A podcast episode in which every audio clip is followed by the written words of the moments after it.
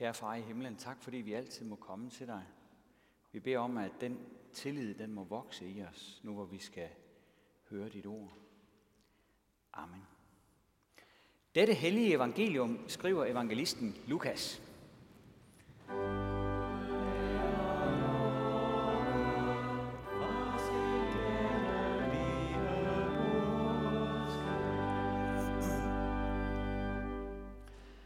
Jesus sagde også, en mand havde to sønner. Den yngste sagde til faderen, Far, giv mig den del af formuen, som tilkommer mig. Så delte han sin ejendom imellem dem. Nogle dage senere samlede den yngste alt sit sammen og rejste til et land langt borte. Der øslede han sin formue bort i et udsvævende liv. Og da han havde sat det hele til, kom der en streng hungersnød i landet, og han begyndte at lide nød. Han gik så hen og holdt til hos en af landets borgere, som sendte ham ud på sine marker for at passe svin. Og han ønskede kun at spise sig mæt i de bønder, som svinene åd, men ingen gav ham noget. Der gik han i sig selv og tænkte, hvor mange daglejere hos min far har ikke mad i overflod, og her er jeg ved at sulte ihjel. Jeg vil bryde op og gå til min far og sige til ham, far, jeg har syndet mod himlen og mod dig. Jeg fortjener ikke længere at kaldes din søn. Lad mig gå som en af dine daglejere. Så brød han op og kom til sin far.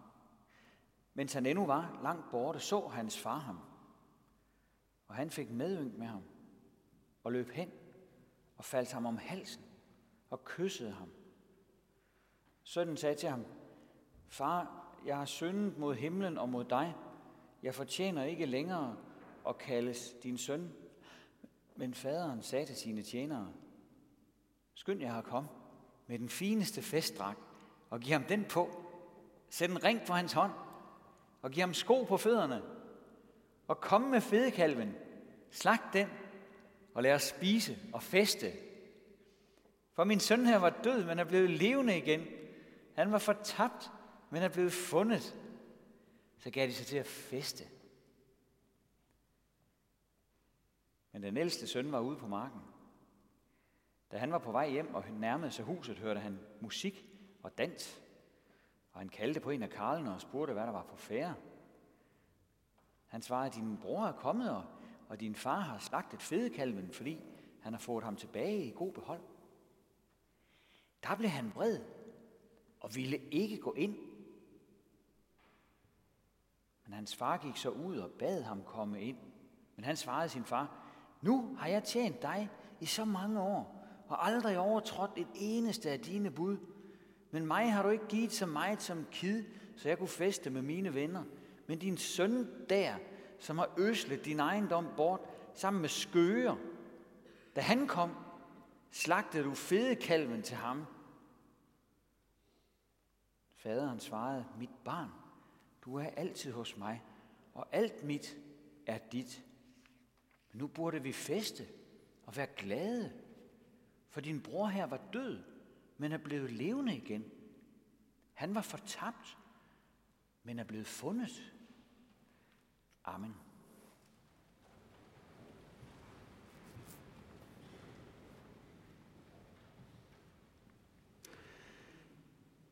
De gode relationer. Vi glemmer så let betydningen af dem. Det sker, når vi bare tager andre for givet. Vi vender os så nemt til, at et andet menneske bare giver og giver, så vi bare kan modtage og modtage. At andre er gode imod os og bruger deres liv og ressourcer på os, det kan så let blive en selvfølgelighed for os. Så glemmer vi den, der giver, og er kun optaget af alle gaverne, som vi får. Det var det, der skete i lignelsen om den fortabte søn, som Jesus fortæller. Den voksne søn boede hos sin far. Far havde sørget for ham hver eneste dag, siden han kom til verden. Men han havde ikke syn for betydningen af, hvad hans far var for ham. Og derfor var afskeden heller ikke den naturlige afsked, der følger med at blive voksen.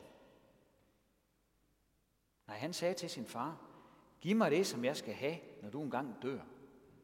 Med andre ord, lad os være enige om, at du ikke længere spiller nogen rolle for mig. Jeg har ikke brug for dig længere. Jeg har kun brug for det, du kan give mig. Og hans far respekterer søndens valg så meget, at han ikke modsætter sig den ydmygelse, der følger med. Han kunne have skældt sin søn ud, det gør han ikke. Han giver ham formuen, så storsindet er han over for sin smålige søn. Så kærlig er han over for drengen, der ikke viser nogen kærlighed den anden vej.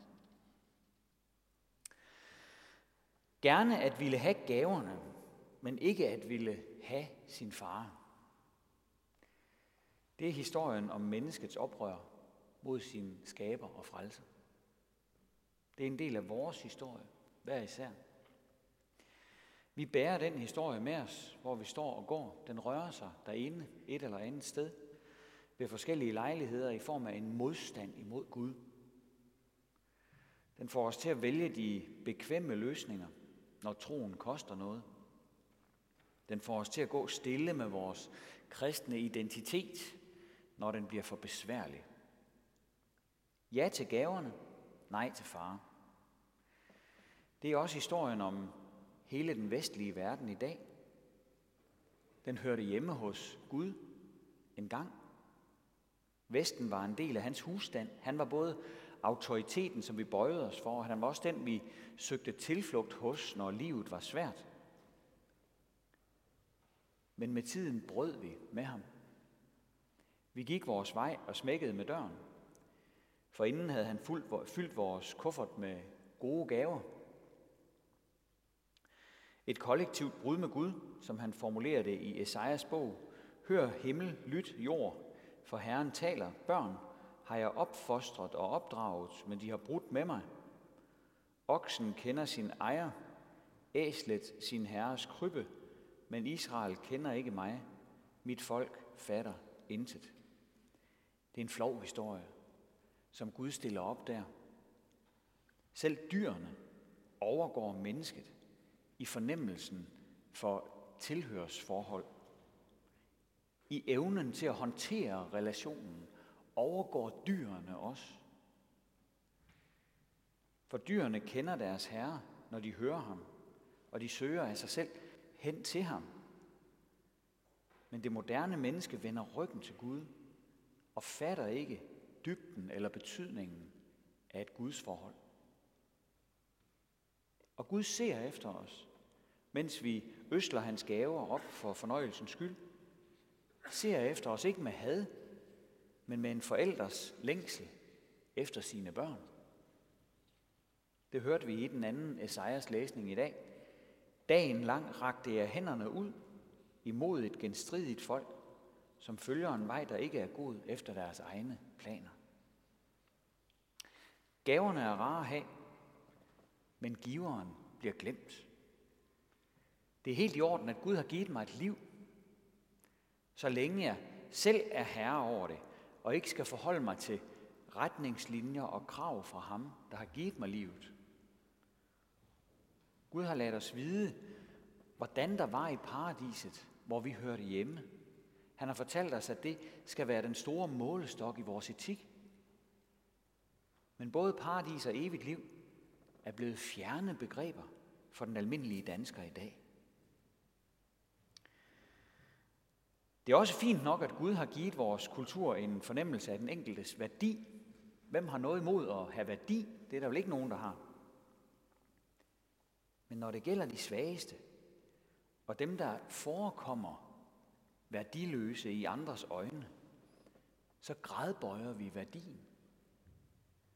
Lovgivningen anfægter menneskets værdi, både ved livets begyndelse og ved dets afslutning og nye særlove sætter en klemme på mennesker, der i det hele taget regner med, at der findes en Gud, som mener noget om tingene. Vi har heller ikke noget imod, at Gud velsigner os materielt i vores del af verden, så længe det materielle frit kan anvendes for vores egen fornøjelses skyld. Hvor Gud har sat mennesket på jorden for at være en forvalter – med hans ring på fingeren, det vil sige forsynet med noget af hans myndighed, har Vesterlændingen for længst pantsat ringen og bestemt sig for at være forvalter på sine egne vegne. Og kufferten, som vi fik med hjemmefra, er ved at være tom efterhånden. I Guds rige vokser værdierne som ved et under. Bunden sover og står op, og kornet spiger og vokser, uden at han ved hvordan. Af sig selv giver jorden afgrøde. Først strå, så aks, så fuld kerne i akset. Det betyder, der hvor Guds ord bliver forkyndt og lyttet til, sker der et kontinuerligt under, hvor den fattige bliver mættet med gode gaver og bliver rig, løbende.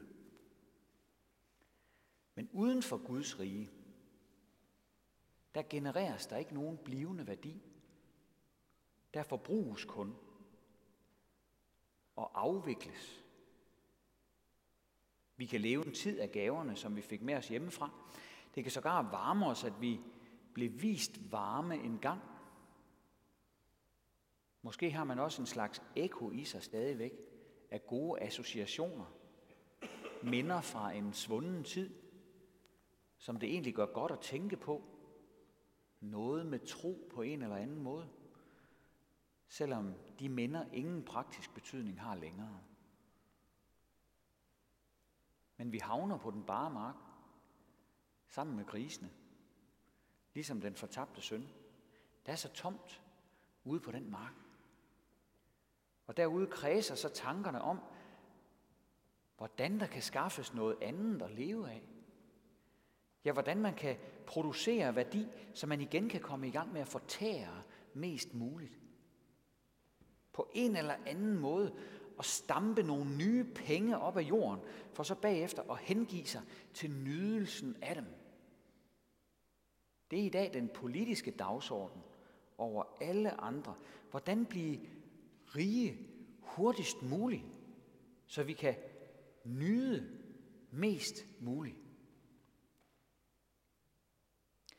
Der er en russisk ortodox præst, Antonius af Surots. Han siger i en prædiken, det er kun muligt at leve i relation til Gud og til andre mennesker, når der sker en udveksling. Når vi er lige så meget givere, som vi er modtagere af menneskers og Guds gavmildhed. Det er derfor, vi kommer til at stå som de store tabere, når vi kun vil modtage og ikke vil give. Og når vi kun vil modtage Guds gaver, men ikke vil modtage ham selv. Jesus fortæller øh, i sin historie,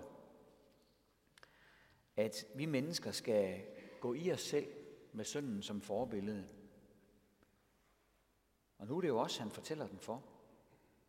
Så nu er tiden inden for os til at gå i os selv. Til at forstå, at vi må leve, så vi både giver og modtager Guds kærlighed. Der er noget hudløst og også til dels ydmygende over det, men også noget meget, meget rigt. Skulpturen på skærmen i dag er lavet af Paul Dubois. Dubois han var en berømt billedhugger, som har lavet mange store værker. Og dette her står på Glyptoteket i København. Og det forestiller jo øjeblikket derude ved vejen, hvor faderen er nået hen til sin søn. Sønnen er skamfuld, kan vi se. Han kan ikke se sin far i øjnene, og han er på knæ. Han har jo forberedt en tale, før han satte sig i bevægelse. En tale, hvor han vil bede om at få en ordning med sin far. Ikke som søn, for det ved han godt, at han har smidt væk, men som løsarbejder. Men se en gang, hvordan hans far tager imod ham. Han giver ham ikke bare hånden eller klapper ham på hovedet. Han griber ham. Sønnen søger nedad i sin skam. Han er i frit fald, men hans far griber ham, kysser ham og løfter ham op. Se, hvor stor en varsomhed der er i faderens handlemåde, mens han tager fat i sin søn for at rejse ham op. For det er jo det, han er i gang med. Han vil rejse ham op. Han vil give ham en ny ring og en ny begyndelse. Viske tavlen ren og give ham et nyt liv med gaver og rettigheder, som om intet var hent. At der er hent noget, det er på den anden side også tydeligt i Dubois skildring. Begge to er de næsten nøgne. En del af forklaringen er måske, at det er meget større kunst og en større udfordring for en billedhugger at skildre menneskets smukke krop, som den ser ud, end at nøjes med en figur med tøj på. Det kan sagtens være, men der er også en anden pointe i det. De er begge blevet klædt af til skinnet, for at det her øjeblik kunne indtræffe.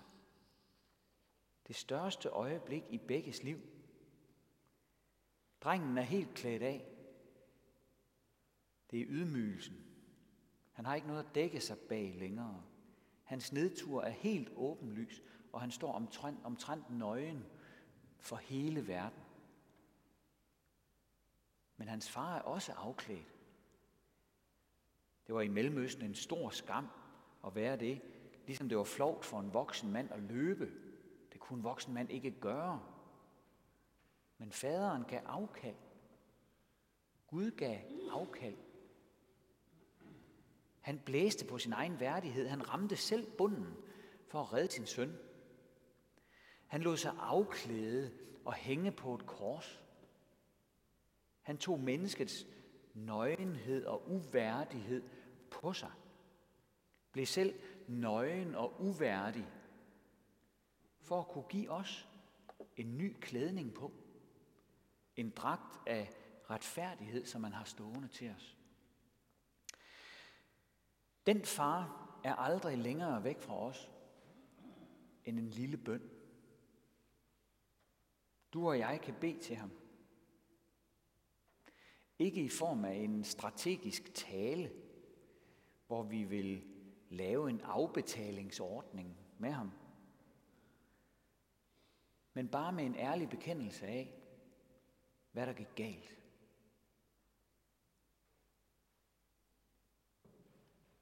Faderen lader ikke sin dreng rode sig ud i det der med at blive daglejer. Han afbryder ham for inden. Det skal vi også lægge mærke til. Sønnen havde jo forberedt, far, jeg har syndet mod himlen og mod dig. Jeg fortjener ikke længere at kaldes din søn. Lad mig gå som en af dine daglejere. Men da han nåede til, jeg fortjener ikke længere at kaldes din søn, så begyndte hans far at afgive bestillinger til sine tjenere. Skaf nyt tøj til ham. Skaf nye sko. Forbered straks en velkomstfest og indsæt ham som søn i huset, ligesom før, med ring og alle de privilegier, der følger med.